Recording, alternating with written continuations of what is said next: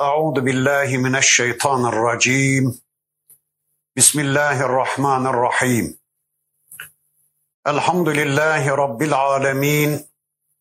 والصلاة وأتم التسليم على سيدنا محمد المبعوث رحمة للعالمين.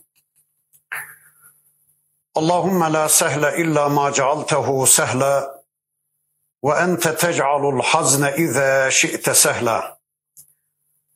اللهم علمنا ما ينفعنا وانفعنا بما علمتنا وزدنا علما برحمتك يا أرحم الراحمين. أما بعد بسم الله الرحمن الرحيم. ألف لام را. تلك آيات الكتاب المبين. إنا أنزلناه قرآنا عربيا لعلكم تعقلون.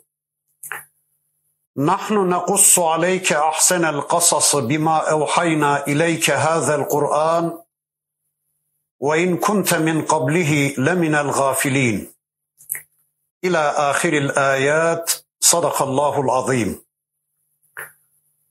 Muhterem dinleyiciler, okumuş olduğumuz bu ayetler kulluk kitabımız Kur'an-ı Kerim'in Yusuf suresi diye bilinen bir suresinin ayetleri. İnşallah birlikte bu sureye misafir olduk. Bakalım bize neler ikram edecek? Bizi nereye oturtacak? Elimizden tutup bizi hangi hedeflere götürecek? Bizim çapımızı, bizim konumumuzu nasıl belirleyecek? İman etmek üzere ve yarınki hayatımızı düzenlemek üzere inşallah birlikte sureyi tanımaya başlıyoruz. Yusuf suresi Mekke döneminin sonlarına doğru nazil olmuş bir suredir. Peygamber Efendimizin hamisi amcası Ebu Talip vefat etmiş Peygamber aleyhisselam ve Müslümanlar için hüzün yılları başlamış. Allah'ın Resulü ve beraberindeki bir avuç Müslümana karşı akla hayale gelmedik işkenceler yağmaya başlamış. İşte böyle bir ortamda nazil olan bu sure içinde anlatılan Yusuf kıssasıyla Peygamber Efendimiz'e muazzam bir destek peygamber karşıtlarına, peygamber düşmanlarına karşı da müthiş bir tehdit oluşturmak üzere geliyordu. Bu surede Rabbimiz Peygamber Aleyhisselam'a şunları söylüyordu. Ey peygamberim, kardeş ihanetine uğramış, kardeşleri tarafından kuyuya atılmış, ölüme terk edilmiş, Sonra Mısır'da köle olarak satılmış olan Yusuf'u tüm bu aleyhte şartlara rağmen hiçbir dış desteğe muhtaç olmaksızın nasıl ki adım adım adım Mısır'a sultanlığa taşımışsam, bir dünya devletinin başına melik yapmışsam, senin de zerre kadar bir endişen olmasın ki çok kısa bir süre sonra seni de Kureyş'e egemen kılacak, Mekke'ye egemen kılacak, tüm Suudi Arabistan yarımadasına hakim bir konuma getireceğim. Bu benim yeryüzünde değişmeyen bir yasamdır. Bu konuda zerre kadar bir endişen, bir şüphen olmasın desteğinde bulunurken Rabbimiz peygamber karşıtlarına Mekke müşriklerine de şunları söylüyordu. Ey Mekkeliler Ey peygamber düşmanları! Sizler de şu anda benim son elçime karşı kardeşlerinin Yusuf'a karşı takındıkları tavrın aynısını takınıyor. Onu öldürmeye, onu hapsetmeye, onu uzak bir yerlere sürmeye, ondan kurtulmaya, onu etkisiz hale getirmeye, onu susturmaya çalışıyorsunuz. Sizler de kesinlikle bilesiniz ki kardeşlerini Yusuf'un karşısında nasıl diz çöktürüp ondan özür dileme makamına indirmişsem, sizleri de zulmettiğiniz son elçim karşısında çok yakında diz çöktürecek, ondan özür dileme pozisyonuna indirgeyeceğim. Bu benim yeryüzünde değişmeyen bir yasamdır. Sizin de bu konuda zerre kadar bir şüpheniz, bir endişeniz olmasın tehdidinde bulunmaktadır. Tabi aynı destek ve tehdit günümüz Müslümanları ve kafirleri için de geçerlidir. Bakın bu sureyle günümüz Müslümanlarına Rabbimiz şunları söylüyordu. Ey Müslümanlar! Ey Yusuf'un yolunun yolcuları! Ey Muhammed Aleyhisselam'ın izleyicileri! Sizler benim yolumda olduğunuz sürece, sizler benim elçilerimin yolunda olduğunuz sürece kesinlikle bilesiniz ki benim yardımım ve desteğim sizinle birlikte olacak. Çok yakın bir süre içinde sizi de tüm düşmanlarınıza karşı galip getirecek, dünyada egemen kılacağım. Bu benim yeryüzünde değişmeyen bir sünnetimdir. Bu konuda sizin de zerre kadar bir şüpheniz, bir endişeniz olmasın desteğinde bulunurken Rabbimiz günümüz kafirlerine, yeryüzü müstekbirlerine de şunları söylüyordu. Ey kafirler, ey yeryüzü müstekbirleri, ey bir türlü Müslüman kanı dökmeye doymamış Yahudi ve Hristiyanlar, sizler de kesinlikle bilesiniz ki zulmettiğiniz, kanlarını döktüğünüz, haklarını gasp ettiğiniz şu gariban Müslümanlar karşısında çok yakında diz çökecek, onlardan özür dilemeye mahkum olacaksınız. Bu benim yeryüzünde değişmeyen bir yasamdır. Bu konuda sizin de zerre kadar bir şüpheniz, zerre kadar bir endişeniz olmasın tehdidinde bulunmaktadır. Bu sureyle göreceğiz ki Rabbimiz hayata egemen olandır. Hayatı düzenleyen Allah'tır. Hayata etkin ve egemen olan Allah'tır. Devletleri kuran, devletleri yıkan büyük irade Allah'tır. Dilediklerine mülkünü veren, dilediklerinden de söküp mülkünü alan Allah'tır. Dilediğine hükmeden, dilediği biçimde hükmünü kaza eden Allah'tır. Allah iradesinin karşısında durabilecek, Allah'ın hükümlerini engelleyebilecek göklerde ve yerde hiçbir güç ve kuvvet yoktur. Bakın Rabbimiz bir senaryo belirleyecek, bir kader tayin edecek ve adım adım kaderini uygulayacak, senaryosunu gerçekleştirecek. Yusuf ve baba Yakup Aleyhisselam hak yolda rol alacak. Kardeşleri yanlış yolda rol alacaklar. Yusuf'u kuyuya atacaklar. Onu öldürmeye, ondan kurtulmaya çalışacaklar. Ama Allah'ın takdirine göre Yusuf kuyuda ölmeyecekti. Bir kervan gelmeliydi. Allah kervana da bir rol biçmişti. Kervan Yusuf'u kuyudan çıkaracak. Mısır'da köle pazarında Yusuf satılacaktı. Peki kim satın alacaktı Yusuf'u? Yani alelade bir insanın evinde mi büyüyecekti Yusuf? Hayır senaryo öyle değildi. Yusuf'u Mısır'ın Aziz'i satın almalıydı. Allah ona da böyle bir rol biçmişti. Aziz'i Rabbimiz pazara gönderecek, Yusuf'la karşı karşıya getirecek. Aziz Yusuf'u satın alacak ve Yusuf Mısır'da sarayda büyüyecekti. İleride Mısır'a sultan olacak Yusuf Aleyhisselam sarayda en üst kademede devletin dönen çarklarını yakından tanıyacak, o konuda bilgi sahibi olacaktı. Sonra sarayda Aziz'in karısıyla bir imtihandan geçirilecek belki imtihanların en çetinine maruz bırakılacak ama Allah'ın izniyle Yusuf Aleyhisselam o imtihandan da alın akıyla karşı tarafa geçecek. Sonra zindan, sonra Rabbimiz krala bir rüya gösterecek. Çevresindeki danışmanlarından hiçbirisi o rüyanın içinden çıkamayacak. Allah onları Yusuf'a muhtaç edecek.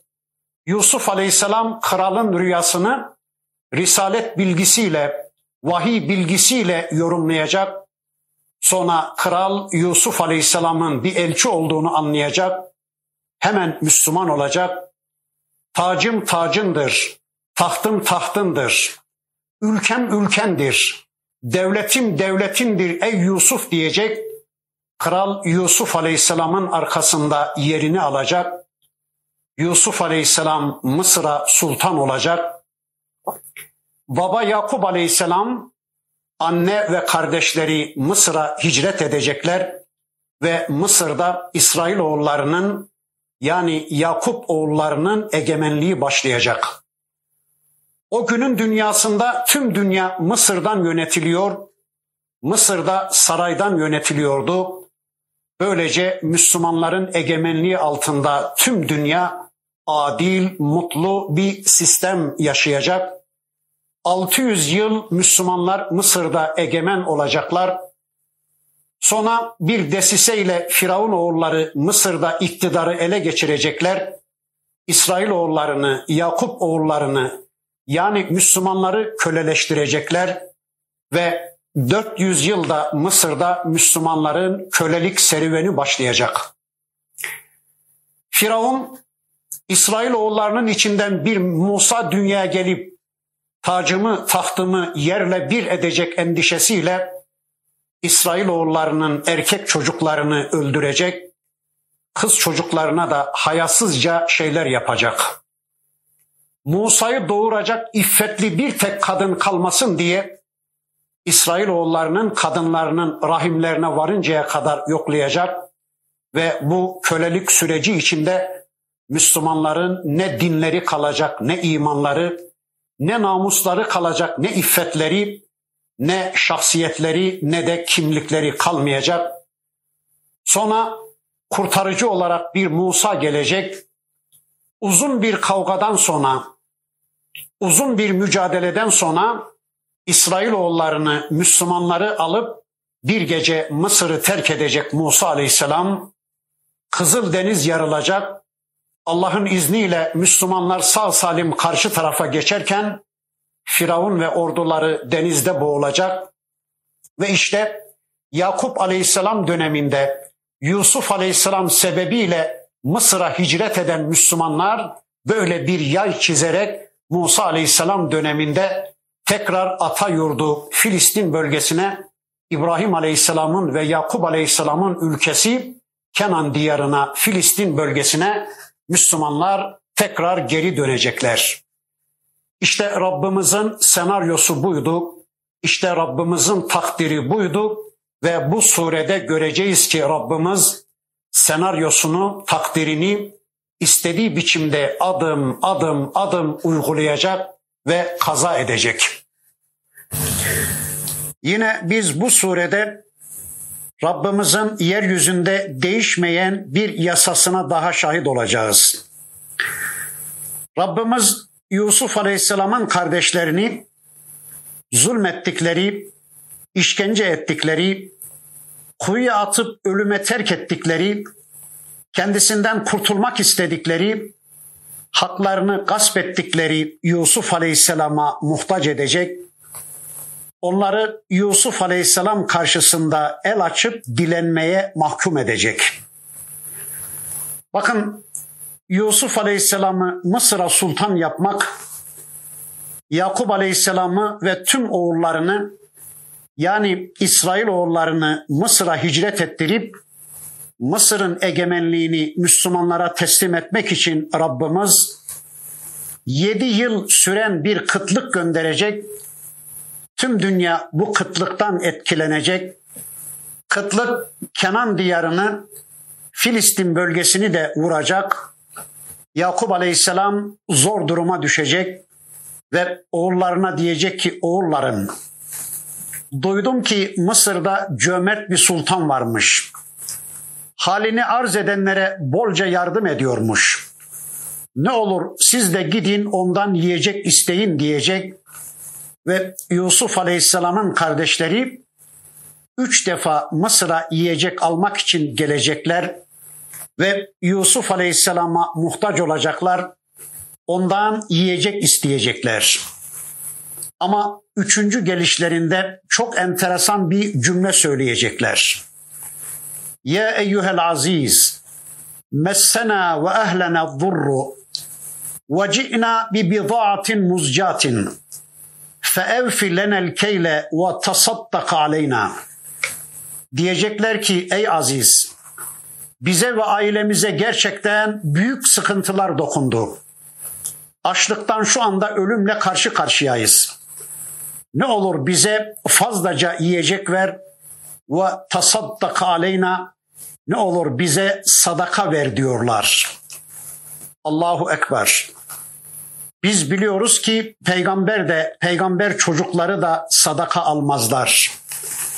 Peygamber de peygamber çocukları da zekat yemezler, yiyemezler. Ama işte Rabbimizin bu ayetinin beyanıyla anlıyoruz ki Yusuf'un kardeşleri Yusuf Aleyhisselam karşısında sıfırı tükettiler, bittiler, tükendiler ve Yusuf Aleyhisselam'dan sadaka istiyorlar. Peki bu bize ne anlatır? Bu bize şunu anlatır. Bu Allah'ın yeryüzünde değişmeyen bir yasasıdır. Şu anda Müslümanları tepeden inme ambargolarla aç bırakan, Müslümanların ekonomik hayatlarına müdahale eden, Müslümanların yeraltı, yerüstü kaynaklarını iç eden, Müslümanların ellerindeki nimetleri kapıp zorla kendi midelerine götürme kavgası veren, hatta Müslümanların midelerindekileri bile söküp kendi midelerine atma kavgası veren şu Amerika, şu Avrupa, şu Yahudilik ve Hristiyanlık dünya yeminlerin her türüyle yemin ederek söyleyebilirim ki çok yakında sıfırı tüketecekler. Müslümanların önünde diz çökecekler. Müslümanlardan el açıp dilenmek zorunda kalacaklar. İşte bu da Allah'ın yeryüzünde değişmeyen bir yasasıdır. Bakın bu dünyada Müslümanlardan dilenmek zorunda kalan bu kafirler Araf suresinin beyanıyla yarın öbür tarafta da Müslümanlardan dilenmek zorunda kalacaklar. Bakın Araf suresinde Rabbimiz buyurur ki وَنَادَى أَصْحَابُ النَّارِ أَصْحَابَ الْجَنَّةِ en efizu aleyna minel ma ev mimma razakakumullah. Kalu innallaha harramahuma alel kafirin. Müminler imanları sebebiyle bu dünyada yaşadıkları Müslümanca hayatları sebebiyle cennete uçmuşlar. Kafirler de küfürleri sebebiyle bu dünyada yaşadıkları kafirce bir hayatları sebebiyle hor hakir varlıklar olarak cehenneme akmışlar, dolmuşlar. Cenab-ı Hak zaman zaman aradaki perdeyi kaldırıyor. Cehennemliklere cennet ortamını, cennetlik müminlere de cehennem ortamını gösteriyor. Bakın işte bu ayeti kerimede anlatıldığına göre cehennemliklerin önüne cennetlik müminler getiriliyor. Bakıyorlar ki müminler pınar başlarında koyu gölgeliklerin altında süt ırmaklarının, şarap ırmaklarının, bal ırmaklarının arasında enva çeşit devlet ve nimetlerin arasında hurilerine yaslanmışlar, gılmanlarına yaslanmışlar, birbirleriyle kadeh alışverişi içindelerken bu manzarayı gören cehennemlikler kahroluyorlar, mahvoluyorlar ve bakın şöyle bağırıyorlar en efizu aleyna minel ma ev mimma razakakumullah. Ey müminler, ey rahmete ermişler, ey yaşamaya hak kazanmışlar. Ne olur ey müminler, şu sularınızdan, şu meşrubatlarınızdan, şu elmalarınızdan, muzlarınızdan, portakallarınızdan, şu içine gömüldüğünüz nimetlerden biraz da bizim tarafa aktarsanız olmaz mı?'' Bizler mahvolduk, kahrolduk. Bir damla suya muhtaç, bir nefes oksijene muhtaç, çok kötü azapların içindeyiz. Ne olur acıyın da bize biraz bir şeyler gönderin diyecekler. Müminler de diyecekler ki kalu innallaha harramahuma alel kafirin. Ey kafirler boşuna yormayın kendinizi. Allah sözünü ettiğiniz bu nimetleri size haram kılmıştır. Onlardan zırnık bile sizin tarafa aktarmaya hakkımız da yetkimiz de yoktur diyecekler. Alçaklar dünyadayken Allah'ın haram helal yasalarını dinlemeden yılandı, çıyandı, akrepti, dışkıydı, fışkıydı. Önünüze ne gelmişse midenize atmadan yanaydınız. Müslümanları öldürüp, Müslümanları yok edip onların servetlerine de konmadan yanaydınız. Dünyada aynı atmosferi paylaştığınız için Allah bu nimetleri Müslümanlar hatırına size de veriyordu. Müslümanlar sebebiyle bu nimetlerden sizler de istifade ediyordunuz. Ama şimdi yerleşim birimleri ayrıştı. Artık bu nimetleri Allah size haram kıldı diyecekler. Evet bu sureden anlayacağız ki Rabbimiz bir yasası gereği ezenleri ezilenlere, zalimleri mazlumlara, kafirleri Müslümanlara muhtaç edecek. Hem bu dünyada hem de öbür tarafta kafirler Müslümanlar karşısında el açıp dilenmek zorunda kalacaklar. Ve işte şu günlerde, şimdilerde görüyoruz ki bunun ucu da görünmeye başlamıştır. Ekonomileri bitmenin eşiğine gelmiş, hayatları felç olmaya başlamıştır. Allah'ın izniyle Rabbimizin yeryüzünde değişmeyen bu yasasını çok yakında hep birlikte göreceğiz. Bu kısa mukaddimeden sonra inşallah surenin ayetlerini tek tek tanımaya başlayalım. Elif, Lam, Ra. Dinleyin şu anda Allah konuşuyor. Bu söz insan sözüne benzemez. Bu söz alim sözüne, fazıl sözüne benzemez. Bu söz amir sözüne, müdür sözüne benzemez. Bu söz bilgin sözüne, bilge sözüne benzemez. Sakın ha ey Müslümanlar, içinizden birinin sözünü dinleyip de çöpe attığınız gibi ya da içinizden birinin sözünü dinleyip de kulak ardı ettiğiniz gibi benim sözlerimi de öylece dinlemeye kalkışmayın.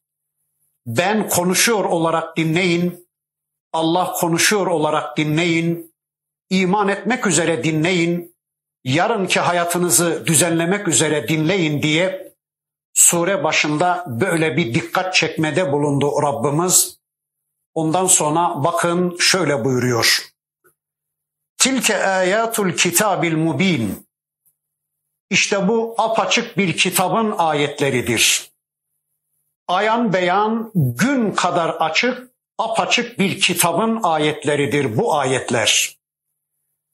İstediği kadar insanlar Allah'a iftira ede dursunlar. Ben kim, bu kitabı anlamak kim? Biz kim, bu kitabı anlamak kim? Bunu ancak büyük zatlar anlar.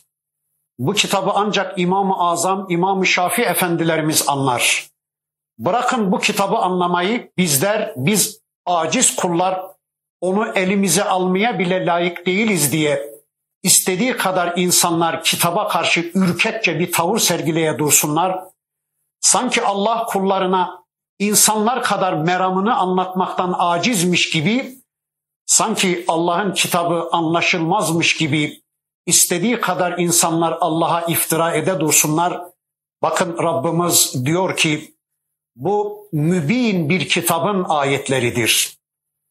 Hiç kimsenin bocalamayacağı, hiç kimsenin ben anlayamadım, ben kavrayamadım, benim anlamam mümkün değildir diyemeyeceği apaçık bir kitabın ayetleridir bunlar.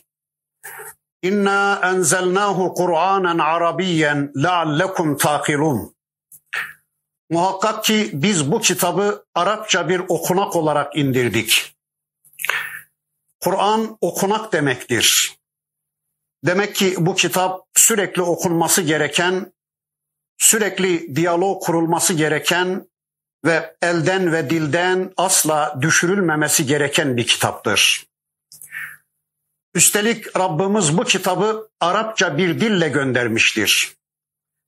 Yani melek diliyle, cin diliyle, kuş diliyle değil. Yani yeryüzünde insanların bilmedikleri, tanımadıkları bir dille değil. Yeryüzünde insanlığın bildiği, tanıdığı, konuştukları bir dille, Arapça bir dille Rabbimiz bu kitabını göndermiştir. لَعَلَّكُمْ تَاقِلُونَ Belki akledersiniz diye. Belki Allah'ın ayetlerini anlamada akıllarınızı kullanırsınız diye. Belki bu ayetlerdeki Allah'ın maksadını anlamada akıllarınızı yorarsınız diye. Evet bu ve benzeri ayetlerden anlıyoruz ki Rabbimiz anlayarak okumamızı, okurken akıllarımızı kullanmamızı, Allah'ın ayetlerindeki meramını kavramak için akıllarımızı devreye sokmamızı, akıllarımızı yormamızı istiyor.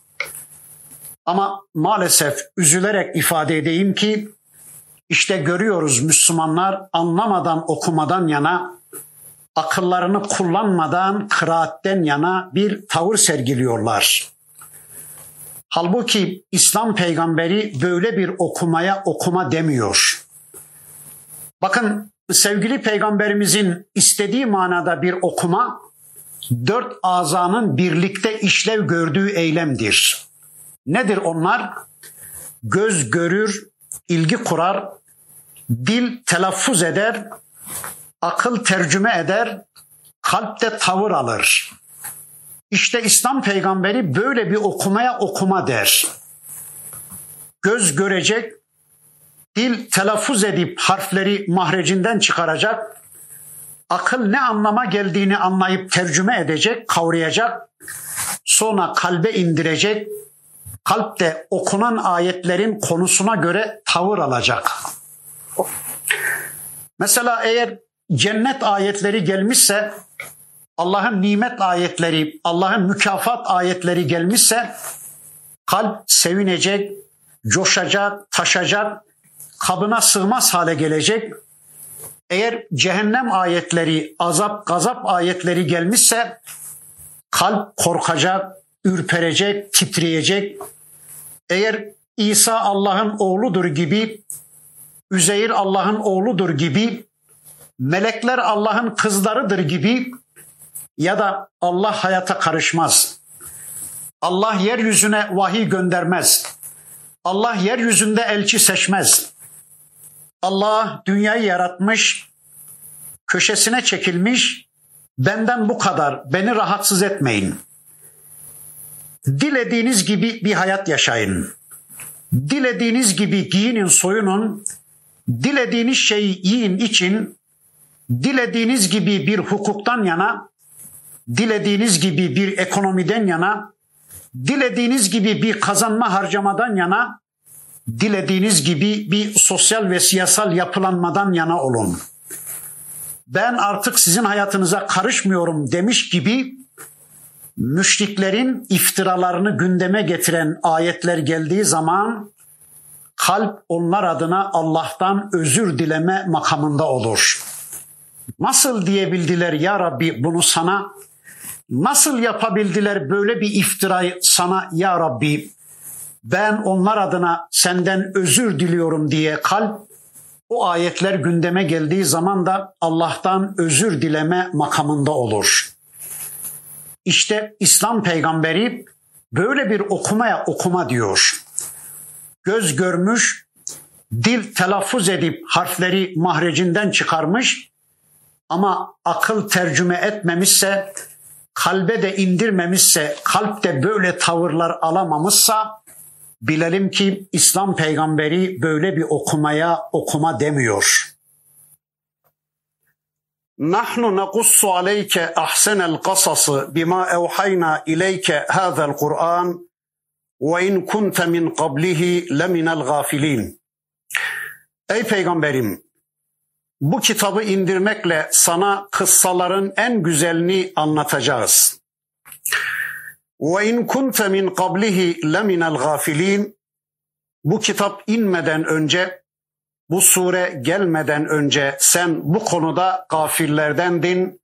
Bu sureyi de bu kıssayı da bilmeyenlerdendin. Evet bilgi Allah'tandır.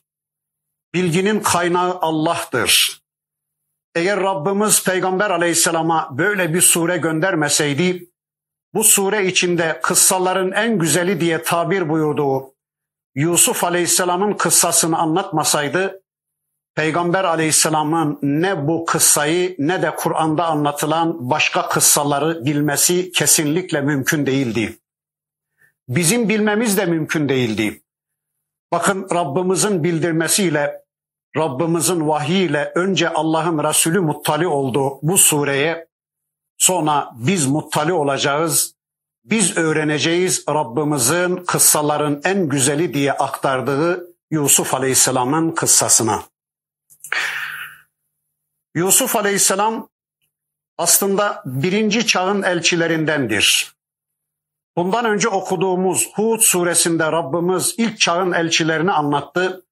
Ama dikkat ederseniz orada ilk çağın elçilerinden olan Yusuf Aleyhisselam yoktu. Anlıyoruz ki Rabbimiz müstakil bir sureyle, özel bir kıssa ile Yusuf Aleyhisselam'ı anlatmayı murat buyurmuş. Bakın Yusuf Aleyhisselam'ın kıssasını bize Rabbimiz şöylece anlatmaya başlıyor. İz kâle Yusufu li ebihi ya ebeti inni ra'aytu ahada aşara kevkeben ve şemse vel kamara ra'aytuhum li sacidin. Küçücük bir çocuk iken Yusuf bir rüya görür. Rüyasını baba Yakup Aleyhisselam'a anlatır. Der ki ey babacığım ben gördüm ki rüyamda 11 yıldız, bir güneş ve bir ay bana secde ediyorlardı. Rüyayı gören küçücük Yusuf, rüyayı anlattığı da Allah'ın elçisi babası Yakup Aleyhisselam. Allah'ın elçisi Yakup Aleyhisselam nübüvvet bilgisiyle, risalet bilgisiyle rüyayı hemen yorumladı ve oğlu Yusuf'un ileride bir melik peygamber olacağını 11 yıldızın 11 kardeşini temsil ettiğini, güneşin baba Yakup Aleyhisselam'ı, ayın da anneyi temsil ettiğini anlayıvermiş ve bakın oğlu Yusuf'u şöylece uyarmıştı. Kale ya buneyye la taksus ru'yake ala ihvetike feyekidu leke keyda.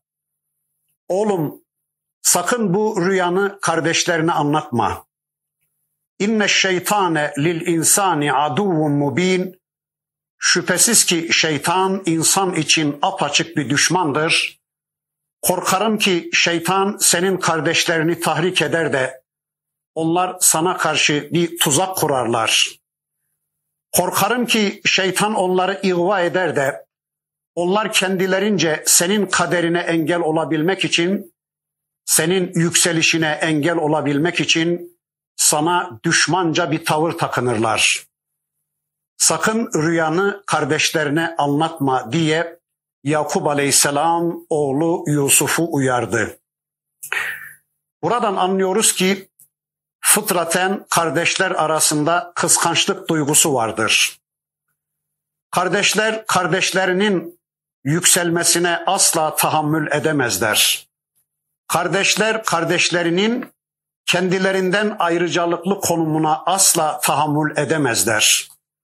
Bu insan fıtratında vardır ve bakın Yakup Aleyhisselam bu konuya dikkat çekiyor. Oğlum şeytan insanlık için apaçık bir düşmandır. Sen sakın rüyanı kardeşlerine anlatma. Onlar şeytanın ihvasıyla, şeytanın tahrikiyle sana bir oyun oynamaya, sana bir düzen kurmaya, sana düşmanca bir tavır takınmaya çalışırlar dedi. İnne şeytane lil insani aduvun mubin. Muhakkak ki şeytan insan için apaçık bir düşmandır. Bakın burada şeytana dikkat çeken Allah'ın elçisi Yakup Aleyhisselam Bundan hemen sonraki sayfada gelecek oğulları, kardeşleri Yusuf'u kuyuya atacaklar. Bir kuş mu kestiler? Yoksa bir hayvan mı öldürüp onun kanını Yusuf'un gömleğine bulaştırıp akşam vakti ağlayarak babalarına gelip ey babacığımız biz birlikte yarış yapmaya gitmiştik. Kardeşlerimizle aramızda müsabaka yapmaya gitmiştik. Yusuf'u da yiyeceklerimizin yanında bırakmıştık. Döndüğümüzde bir de ne görelim? Oğlun Yusuf'u bir kurt yemiş. Her ne kadar biz sana doğruyu söylüyorsak da kesin biliyoruz ki ey babacığımız sen bize inanmayacaksın diyecekler. Ve böyle bir durumda Allah'ın elçisi Yakup Aleyhisselam bakın onlara şunu söyleyecek. Bel sevvelet lekum enfusukum emra. Bilakis nefisleriniz size böyle bir şeyi süslemiş. Nefisleriniz size böyle bir şey empoze etmiş. Nefisleriniz size böyle bir senaryoyu makul ve mantıklı göstermiş. Nefisleriniz sizi böyle bir düzmeceye sevk etmiş dedi. Bakın Allah'ın elçisi Yakup Aleyhisselam bu ifadesiyle birinde şeytana, ötekisinde de nefse dikkat çekiyor. Şeytan insan için apaçık bir düşmandır ifadesiyle şeytana nefisleriniz böyle bir şeyi size empoze etmiştir derken de nefse dikkat çekiyor. Böylece anlıyoruz ki insan hayatında işlenen tüm kötülüklerde, insan hayatında işlenen tüm günahlarda, tüm suçlarda iki varlığın etkili olduğunu anlıyoruz. Dışarıdan şeytan, içeriden de nefis. Öyle değil mi?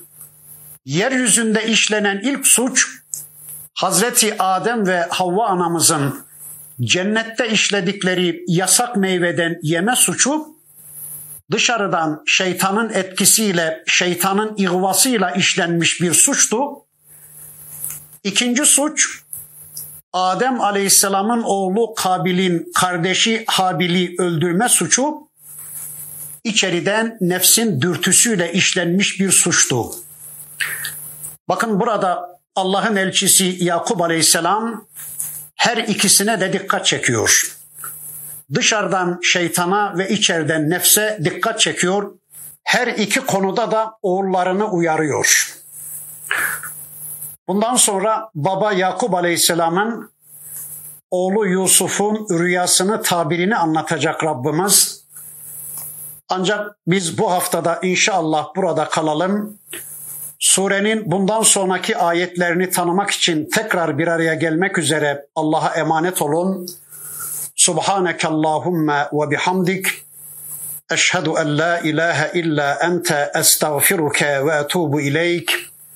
Velhamdülillahi Rabbil alemin.